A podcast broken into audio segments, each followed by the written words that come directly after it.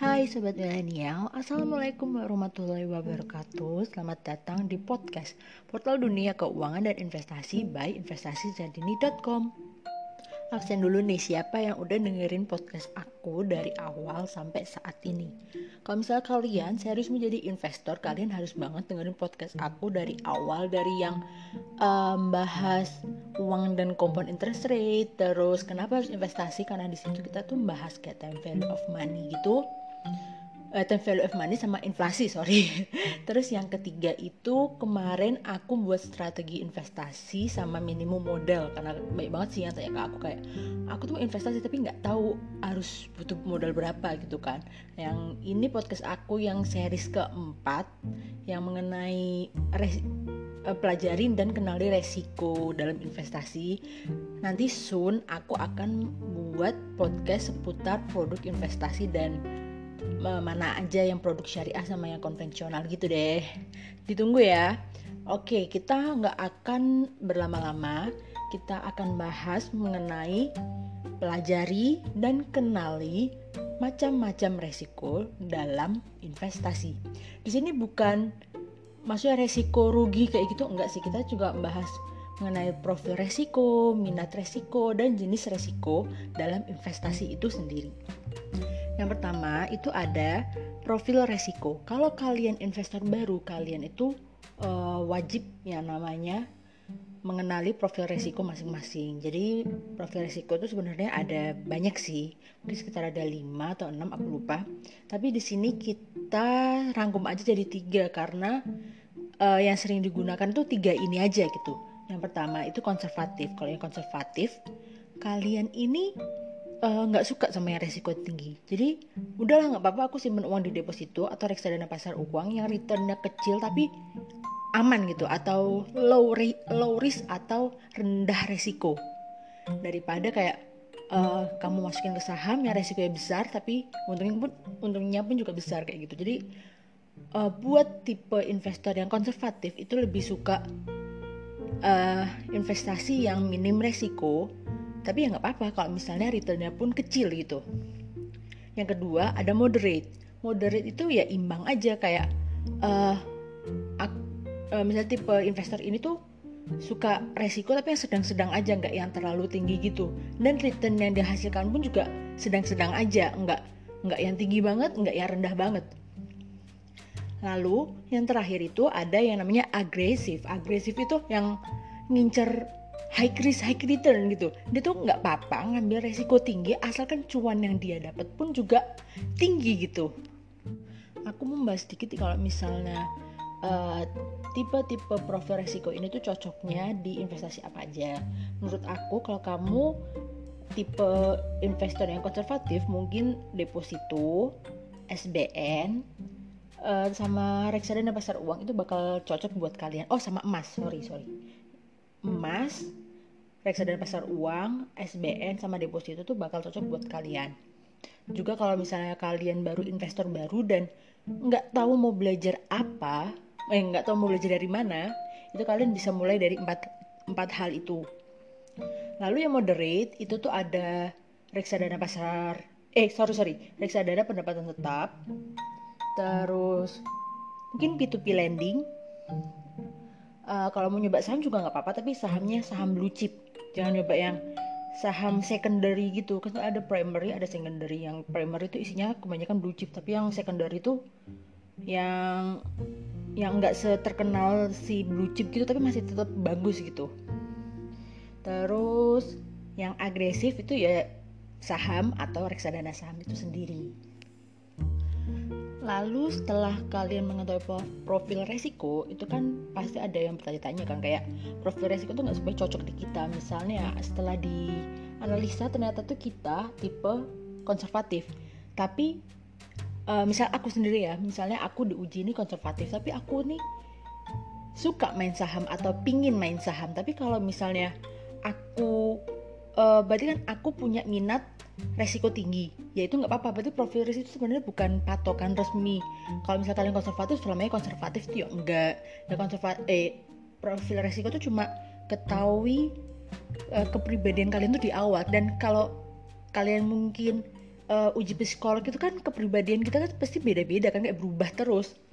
Semakin kita tumbuh semakin kita punya ilmu semakin uh, kita belajar kita punya banyak pengalaman yang kayak up and down gitu kan pasti uh, perubahan psikolog kita kan mempengaruhi profil resiko itu juga kan. Nah jadi ke profil resiko itu cuma ya cuma buat di awal aja buat uh, buat kayak iseng-iseng seru-seru gitu aja. Tapi sebenarnya ya nggak nggak penting-penting banget gitu kan. Nah setelah kalian mengetahui profil profil resiko hal kedua yang perlu kalian tahu itu minat resiko. Jadi minat resiko itu ada tiga. Uh, jadi minat resiko yang pertama yang tadi udah aku sebutin itu selain kamu tahu profil risk kamu juga harus tahu minat resikomu di mana jadi kalau misalnya kamu ternyata dinilai agresif tapi kamu nih nggak berani main saham, kamu beraninya ah reksadana aja, ya itu silahkan. Jadi emang profit risk bukan patokan gitu kan ya. Yang kedua, itu seberapa besar kalian bisa mentoleran resiko tersebut. Nah, tadi kan yang udah aku cerita, misalnya uh, kalian tuh dinilai jadi investor agresif, tapi kalian sendiri tuh nggak bisa mentoleran harga saham itu, misalnya kalian masuk beli saham terus harga sahamnya tuh turun, kalian tuh nggak bisa mentoleran hal itu gitu loh. Jadi kayak kalau kalian lihat harga turun tuh bawaannya tuh panik gitu kan. Jadi kalian nggak nggak berani main di saham itu ya nggak apa-apa. Berarti profit yang agresif tadi ya bukan patokan kalian gitu. Pokoknya ikuti kata hati aja gitu kan. Terus yang terakhir itu uh, perlu kalian ingat bahwa enggak ada produk investasi yang nggak ada resikonya. Semua itu pasti ada resiko. Even mungkin deposito atau reksadana pasar uang atau SBN yang kelihatannya aman-aman aja, minim resiko, tapi sebenarnya itu juga punya resiko.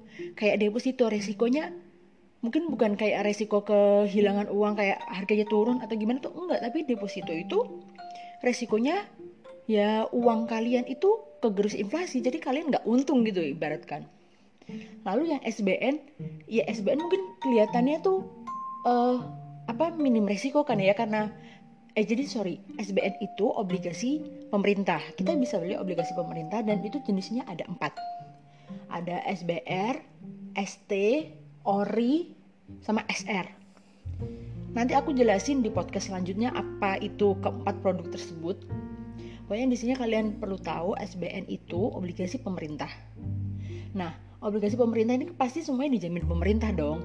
Dan kelihatannya ya aman-aman aja kayak nggak mungkin pemerintah bisa gagal bayar ke kita. Tapi kan e, kemungkinan resiko pemerintah gagal bayar mungkin cuma satu persen itu kan tetap ada resikonya kan? Nggak nggak pure nol persen gitu nol persen resiko itu juga enggak kan? Nah terus mungkin uh, apa namanya resiko resiko reksadana pasar uang itu juga mungkin bisa kegerus inflasi atau atau macam-macam lain kayak gitu kan. Tapi intinya tuh nggak ada produk investasi yang minim resiko. Eh, yang tanpa resiko. Kalau misalnya kalian ditawarin sama seseorang apa sama siapa pun itu, kalau bilang ini investasi yang enggak ada resikonya itu udah jelas investasi bodong. Oke, okay?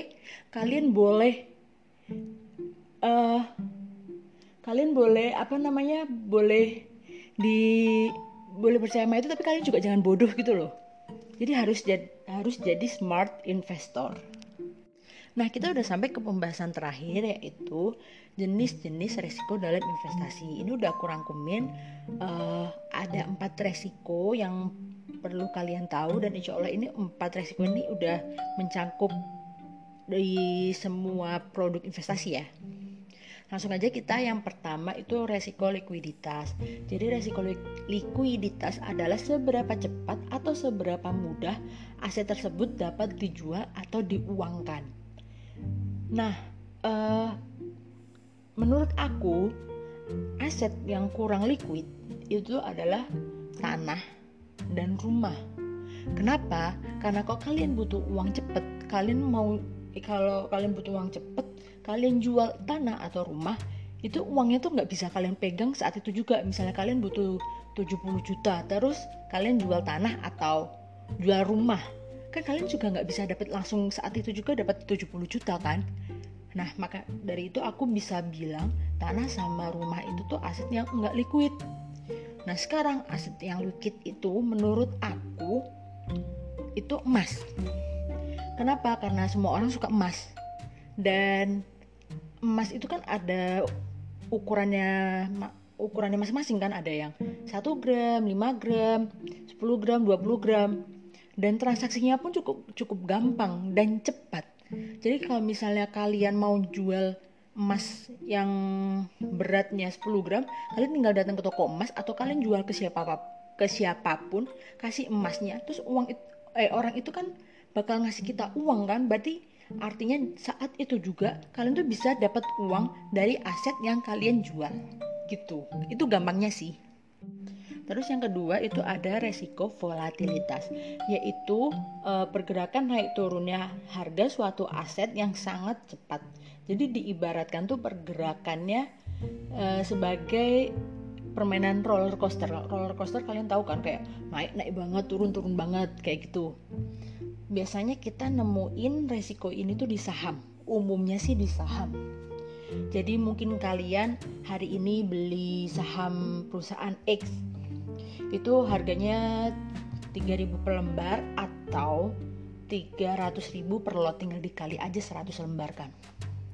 Lalu besok nih harga saham perusahaan X udah turun jadi 200.000 per lot. Berarti kan ini tajam banget kan penurunannya. Nah maka dari itu aset saham kalian itu tuh memiliki resiko volatilitas harga Lalu resiko yang ketiga itu ada resiko gagal bayar, yaitu uh, si peminjam nggak mampu ngembaliin uang yang kita pinjamkan. Kayak ya resiko gagal bayar. Kalian ibaratnya minjemin uang ke teman kalian, terus teman kalian nggak bisa bayar utang mereka. Nah itu disebut resiko gagal bayar. Dan umumnya kita temuin resiko ini di P2P lending, SBN itu yang tadi aku bilang obligasi pemerintah, itu ada yang versi syariah namanya SBSN jadi surat berharga negara atau surat berharga syariah negara sama obligasi yang pokoknya uh, dia menerapkan sistem minjam meminjam. Kayak gitu ya minjam meminjam benar-benar. Tapi kalau obligasi setahu aku kita cuma bisa beli obligasi pemerintah itu ya atau SB, SBN atau SBSN itu sendiri. Kalau obligasi perusahaan tuh kayaknya enggak sih soalnya kan kita kalau mau beli obligasi itu ya kalau nggak lewat SBN atau SBSN ya lewat reksadana pasar eh reksadana pendapatan tetap atau reksadana obligasi itu sendiri. Jadi kita nggak bisa beli obligasi eh obligasi perusahaan secara langsung sih. Menurut setahu aku sih gitu setahu aku. Terus resiko yang terakhir yaitu resiko pasar yaitu harga itu sangat tergantung sama kondisi pasar saat itu. Nah misalnya nih kalian mau jual emas emas kan nguntungin juga kan ya? Tapi kalau misalnya kalian jual emas tapi harga pasar emas itu lagi turun ya aset emas yang kalian mau jual ya ikut turun harganya. Padahal kalian niat hati itu mau jual emas biar untung tapi malah buntung gitu kan. Nah jadi kalau emang mau uh, jual atau beli aset tuh kayak harus nunggu momen dulu kayak kalau misalnya sekarang perekonomian lagi bagus harga emas turun. Nah kalian tuh boleh beli emas. Boleh beli emas saat ini maksud aku.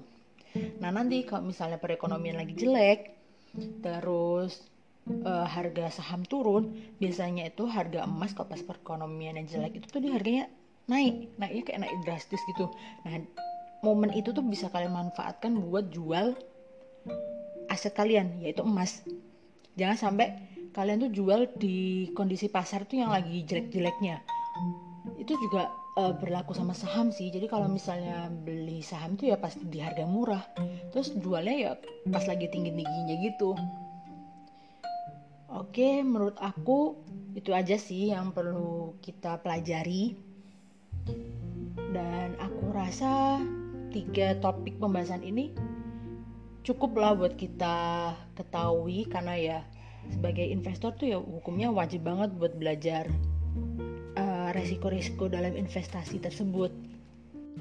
Nggak lupa aku bakal ngucapin maaf kalau misalnya dalam penyampaian ini. Aku masih kurang masih banyak kurangnya. Uh, terus kalau misalnya kalian masih bingung masih bingung dengan apa yang aku jelasin mungkin kalian bisa baca di website aku investasi.sejak.dini.com karena itu kan udah kutulis dan udah kebanyakan udah kutulis sih. Jadi kalau misalnya kalian tipe orang yang kalau belajar tuh harus membaca itu kalian bisa mampir ke website aku. Atau kalau misalnya kalian tetap uh, bingung dan nggak punya temen diskusi kalian bisa langsung DM Instagram aku at r a i s s a. A belakang itu lima kali. Sekian aja uh, podcast dari aku. Wassalamualaikum warahmatullahi wabarakatuh. Bye bye.